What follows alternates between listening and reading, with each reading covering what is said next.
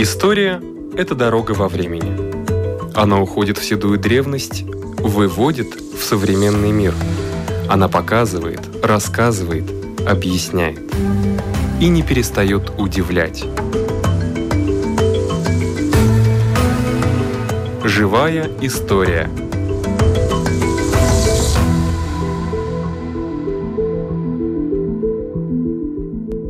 У микрофона Лидия Чера.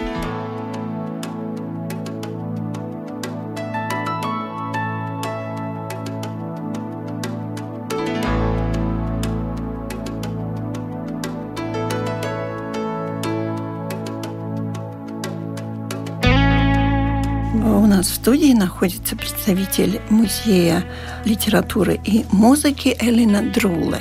И рассказ пойдет сегодня о выставке, которая первая открытая выставка в новом месте, где сейчас находится хранилище многих-многих музеев Риги.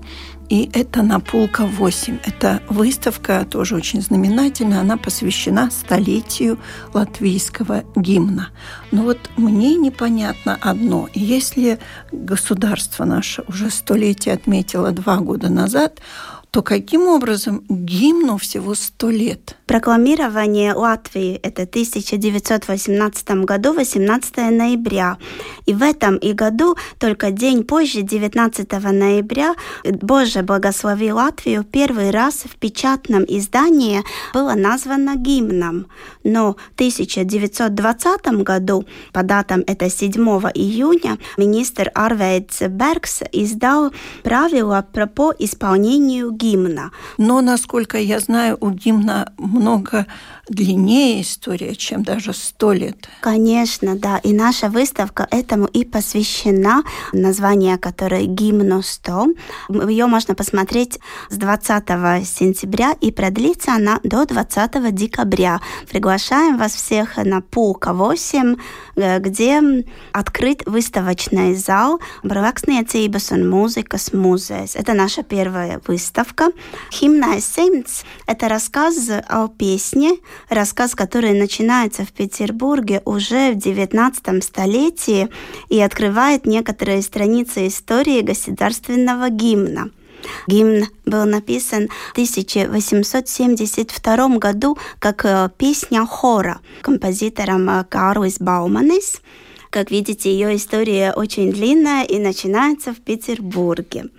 Потом про гимн в 1873 году, тогда Карлис Бауманис отправляет свои песни, и в том числе и песню «Боже, благослови Латвию» на комиссию праздника песен. Для первого праздника песен выбирать э, песни. Да? Да. И там и есть э, гимн среди этих песен. А список этих песен и также письмо, которое он пишет для комиссии, вы тоже сможете посмотреть на нашей выставке. А если немножко все-таки о биографии Бауманю Карлиса или Карлиса Бауманиса, а почему говорили Бауманю Карлис? Старинная традиция была да, вначале называть то, фамилию. В то время нет. так было принято. Это же Бауманю Карлис, везде его означаем, да, ну так, Карлис Бауманис. Его происхождение из Лимбажи, он э, был учителем, да, работал и как частный преподаватель у барона. Вообще его биография очень интересная. Например, когда он заканчивает свою карьеру как частный преподаватель, он преподавал языки немецкий язык а, и также каллиграфию. Каллиграфия, это видно будет и его почерке. Когда вы придете в выставку, увидите, у нас есть и гимн, песня, которая его каллиграфическим почерком, и также письма, да, очень, очень это сразу понятно, что он преподавал. И потом он отправляется в Петербург со словами, э, что лучше быть э, дворником в Петербурге, чем учителем в Видземе. Да. И там он долгие годы... То есть он был своего рода карьерист, скажем так. Но он хотел делать карьеру. Раз ну, он не это, остался у себя в Это у детей. него и очень хорошо получилось, да.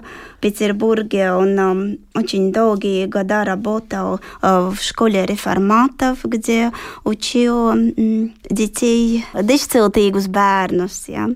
Да, он где-то больше, чем 20 лет там проработал перед тем, как отправился обратно.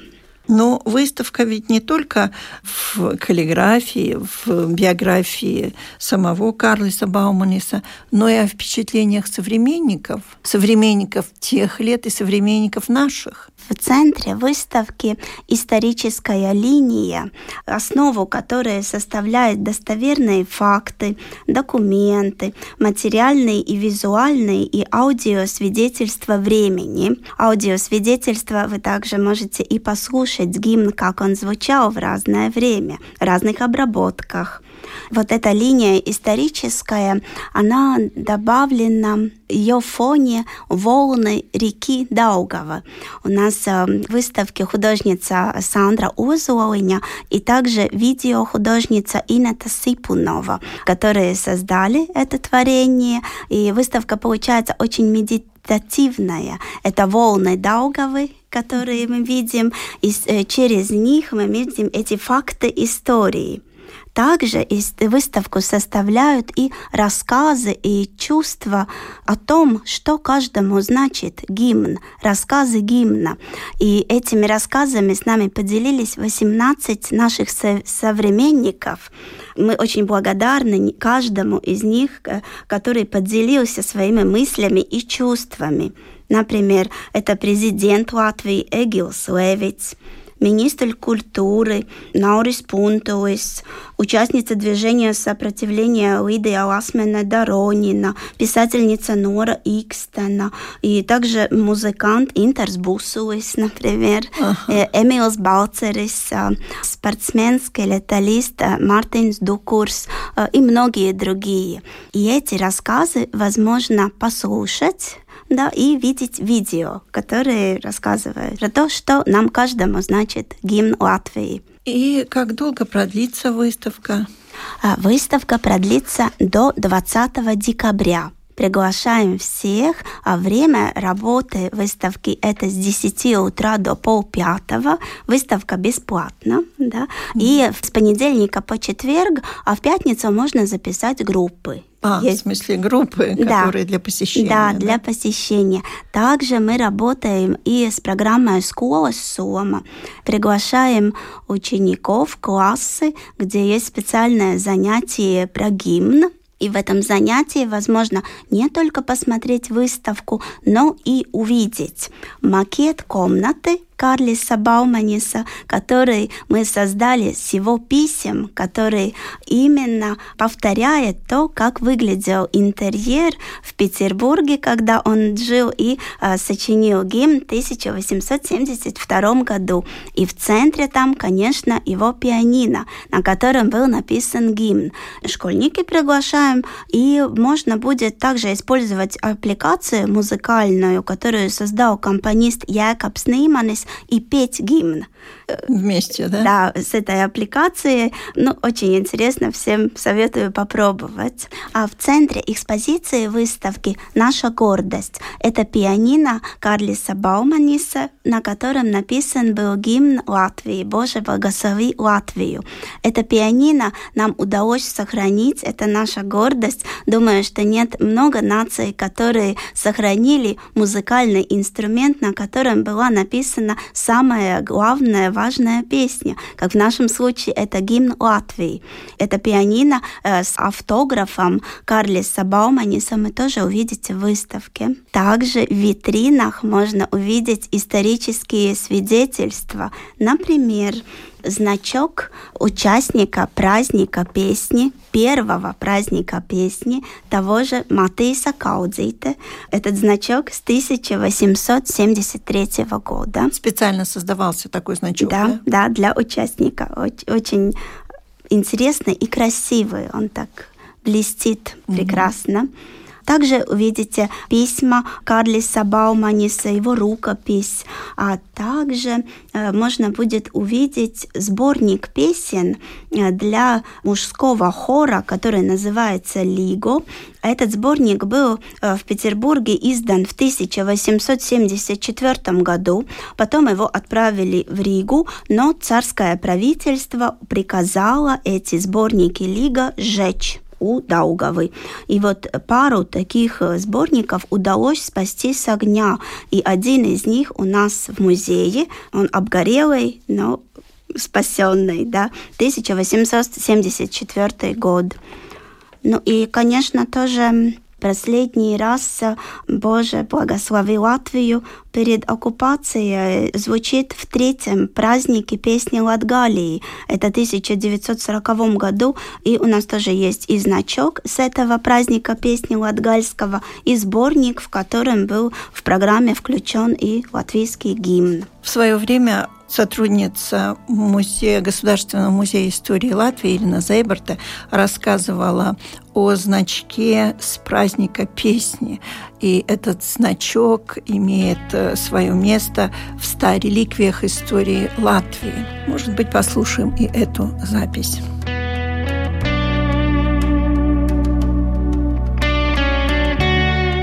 Почему э, мы говорим об этой реликвии? Не только потому, что это э, гимн нашего государства, но и потому, что в музее хранится уникальное издание, журнал «Аустра». И в этом журнале был впервые опубликован, напечатан гимн Латвии, который, конечно же, тогда еще не был гимном Латвии. А история этого музыкального произведения даже на год э, старше, чем первое издание этого гимна. В 1873 году в Риге происходил первый латышский праздник песни. Это был первый раз, когда со всей Латвии собрались несколько э, десятков хористов со своими дирижерами, около тысячи этих людей было на первом празднике песни. И на этом празднике была заложена одна из самых, я думаю, основных э, традиций латышской культуры. Традиция праздника песни. И это, по-моему, было не в Риге. Было в Риге. Первый всеобщий был в Риге. Э, первый вообще был э, Диклёс. Это да, да, вблизи Валмия. Всеобщий праздник, он был в 1873 году. Но он, конечно, не мог бы быть без того, чтобы в разных местах Латвии не происходили эти поменьше праздники. И только тогда лидеры латышского национального движения, Яун Латвеши, пришли к выводу, что надо делать всеобщий праздник.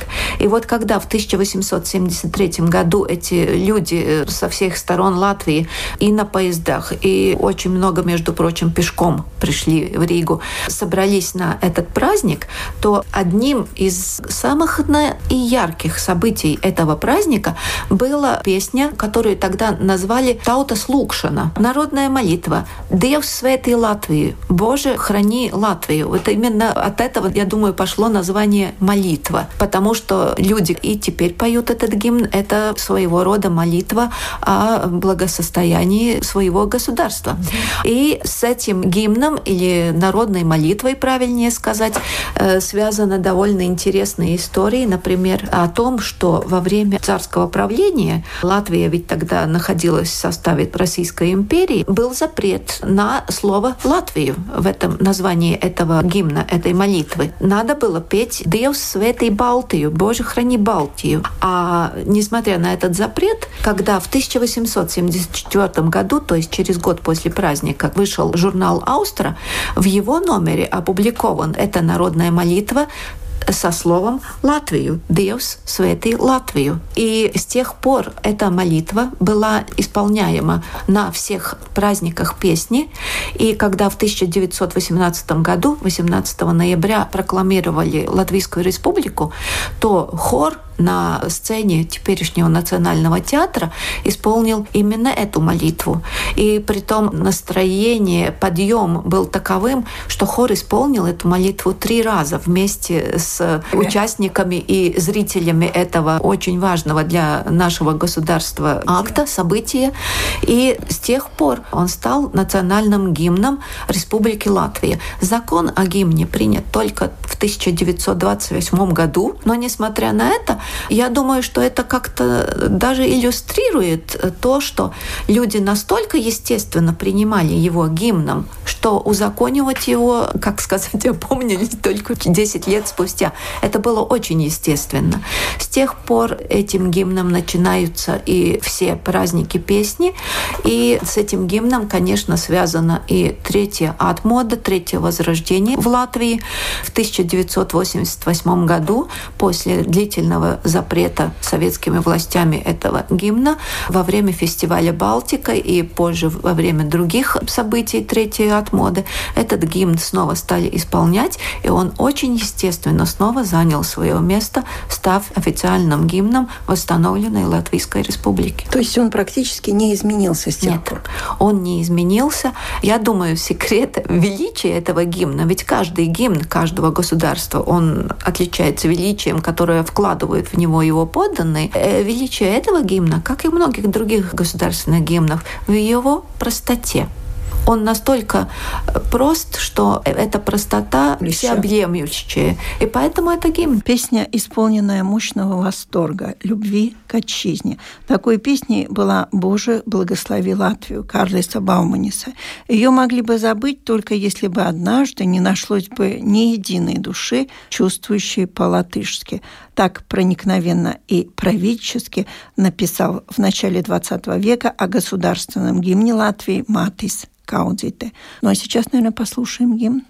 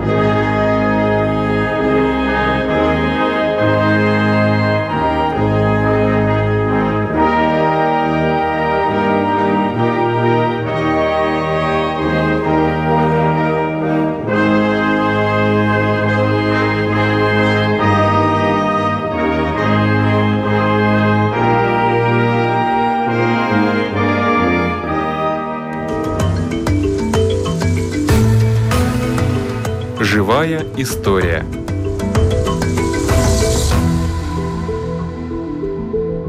Это карта Риги, и со мной вместе историк Мартин Шминтаурс. Сегодня поговорим о торговле. Оказывается, Рига да. была всегда центром торговли. Но где же проходила эта торговля и в какие годы? Рига всегда была центром торговли. И не только центром торговли в латвийских масштабах, если смотреть, но также и в региональных. Как вы уже говорили, что Рига явилась ганзейским городом, и поэтому она стала и центром международной торговли уже в средние века, в конце 13 века, в 14-15 веках. Если мы говорим о торговле более конкретно, то торговля, конечно, происходила во многих местах города. То есть одно из таких мест было набережная возле старого города, которую мы сейчас знаем как набережную 11 ноября, которая после Второй мировой войны превратилась в шоссе с некоторыми элементами озеления возле самой реки. Но ну, а также можем и на этой карте 26 года увидеть, что тогда на месте сегодняшнего каменного моста был мост, который держался уже в 20-е годы на понтонах. Но до того первая конструкция этого моста была сделана из соединенных плотов. Это продолжение улицы Смилшу. Это продолжение улицы Грецинеку. Левее, да, ближе к улице Грецинек. Но сейчас э, каменный мост как раз э, посередине, если смотреть от Ратушной площади, от площади латышских стрелков. Был ближе к трассе улицы Грецинеку, но вы совершенно верно сказали об улице Смилшу, потому что как раз улица Смилшу была центральной улицей старого города. И если мы сейчас говорим, что центральная ось улиц старого города это улица Кальтю и потом бульвар Бриибас и так далее, то в главной улице, в том числе и улице в торговом смысле, была улица Смилш. Там, где сейчас находится набережная 11 ноября, там был центральный или главный продовольственный рынок города вплоть до 1930 года. Наверное, удивляться не приходится, потому что торговали корабли, да. подходили и выгружали, чтобы далеко не возить, тут же на набережной пытались продать. И на более старинных рисунках, скажем, там 18 века, можно отчетливо увидеть, как эта торговля происходила не только на самой набережной возле старого города, но она происходила также на этом плотовом мосту, о котором мы говорили, потому что он был рубежом между двумя частями бассейна реки. То есть с верхнего течения вниз проходили баржи торговые, и с устья реки, со стороны залива, э, могли заходить вплоть до старого города, до этого моста возле улицы Грецинеко, могли заходить большие торговые корабли, которые шли уже через моря и на Западную Европу и куда дальше. Потому можно увидеть и в старых рисунках панорамы Риги, и в картах в том числе, что как раз корабли стоят по двух сторон этого моста, и торговля проходит на самом мосту. Зимой, конечно, эта торговля на мосту не проходила, потому что мост разбирался на зиму, и потом уже его ставили после весеннего потопа, после того, когда Огова вернулась в свое естественное русло. Потому вот зимой тоже торговля перенеслась на саму набережную возле города. Более интенсивно она там происходила после сноса укреплений города, после сноса этих земляных валов, которые окружили старый город да, в 16-17 веках, а потом уже в середине 19 века их снесли, и освободилась довольно большая площадь по объему, где можно было построить все эти тогда еще деревянные постройки, которые были предназначены для торговли. На набережной уже в 19 веке, в начале 20 века происходила более продовольственная торговля. Хотя был один сектор или одна часть этой набережной, где возводился так называемый блошиный рынок. Сейчас это можно было бы сравнить по существу, это что-то подобное рынку Латгалиты, которое mm-hmm. мы знаем, где продаются разные старинные или бывшие в употреблении вещи. И когда еще не было этого рынка Латгалиты, который существует сейчас, то этот блошиный рынок находился тоже на набережной, но уже как бы на окраине самой набережной, то есть между современной улицей Машталю возле Дома художников и часть от улицы Машталю до сегодняшней улицы 13 января. Тогда она называлась улица Карла. Это восточная часть набережной, она была для так называемого блошиного рынка. А что, только продуктовая часть была и блошиный рынок? Да. А одежду, обувь где продавали? Там же? Или... Одежду, обувь там же продавали в этой так называемой продовольственной части, потому что там довольно смешанная торговля происходила. И это был один из поводов для того, чтобы Рижская городская управа уже во времена Латвийской республики в 20-е годы пришла к выводу, что надо что-то сделать с рынком, потому что там все перемешалось уже. Если говорить о продовольственных товарах, то это тоже касается, конечно, вопросов санитарии.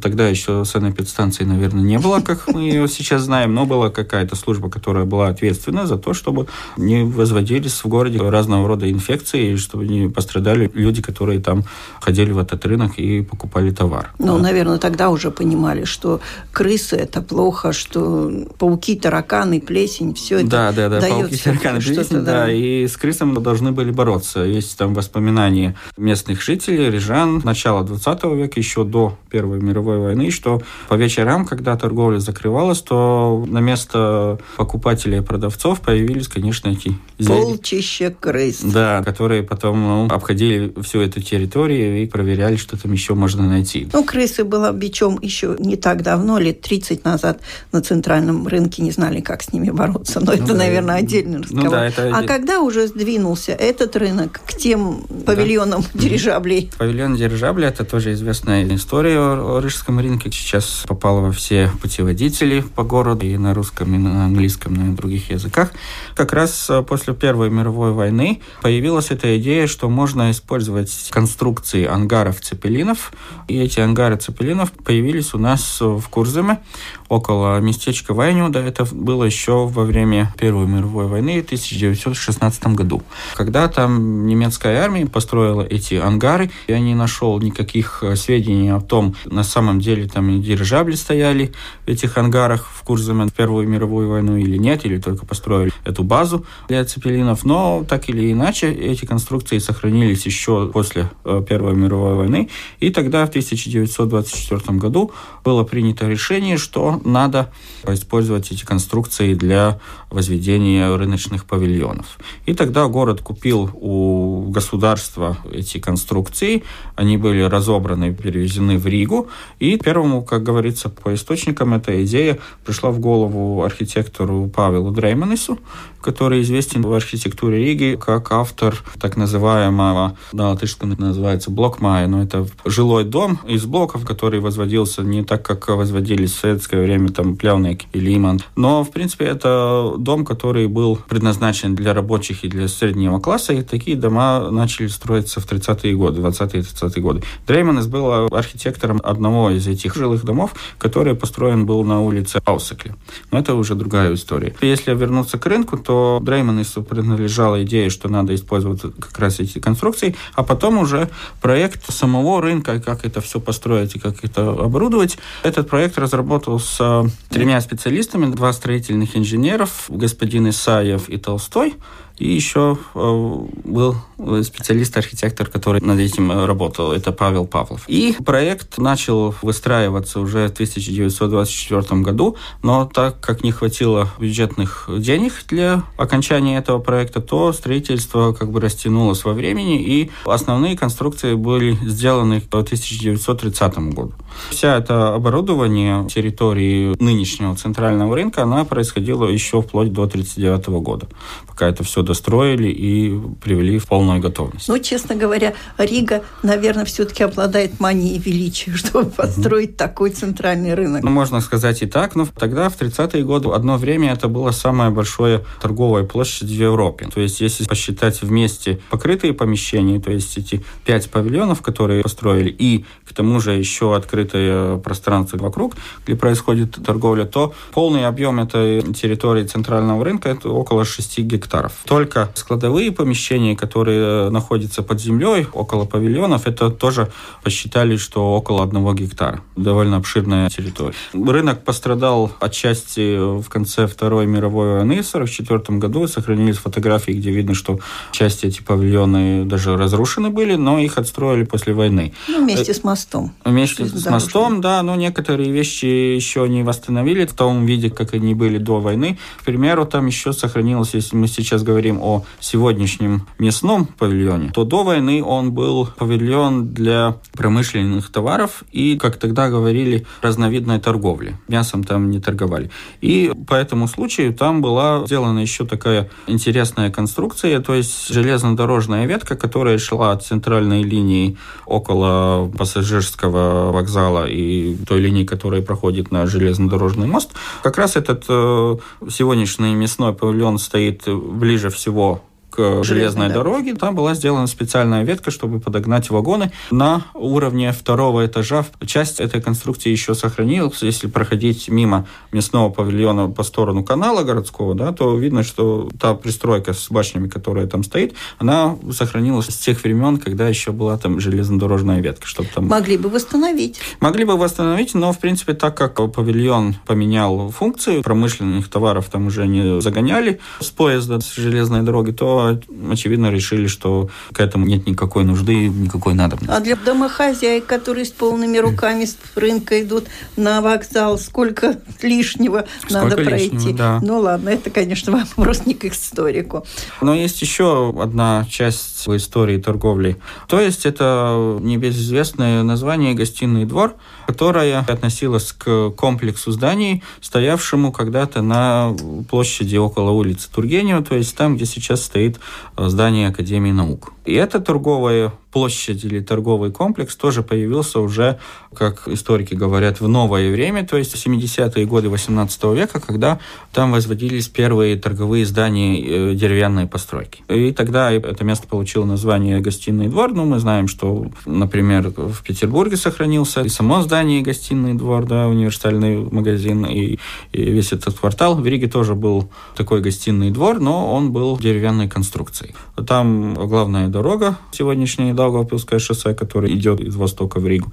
И сама река Даугава, которая тоже как транспортный путь использовалась, да, и это было ближе всего, чтобы там построить этот торговый комплекс. Этот торговый комплекс сгорел в большом пожаре 1812 года, когда пострадала и часть э, московского форштата, но был выстроен заново уже около 1820 года там были построены заново все эти здания. Вот как ну, раз тоже выш... деревянные, да? Тоже деревянные. Как раз недавно вышла в свет очередная книга историка Андерса Цална, которая на этот раз посвящена московскому форштату, и там на обложке можно увидеть одну из картинок, одну из фотографий начала 20 века, где это площадь, где сейчас стоит э, здание Академии наук. Но торговля там проходила довольно интенсивно до середины 19 века, и потом большая часть этих помещений уже сдавались как склады. Их снесли в 50-е годы 20 века. В 51 году вышло постановление горисполкома о том, что надо снести весь этот комплекс, потому что начали возводить здание Академии наук. Так что Рига торговала, торгует и будет, будет торговать. торговать. Историк Мартин Минтаурс. На этом наша программа заканчивается. Всего вам доброго.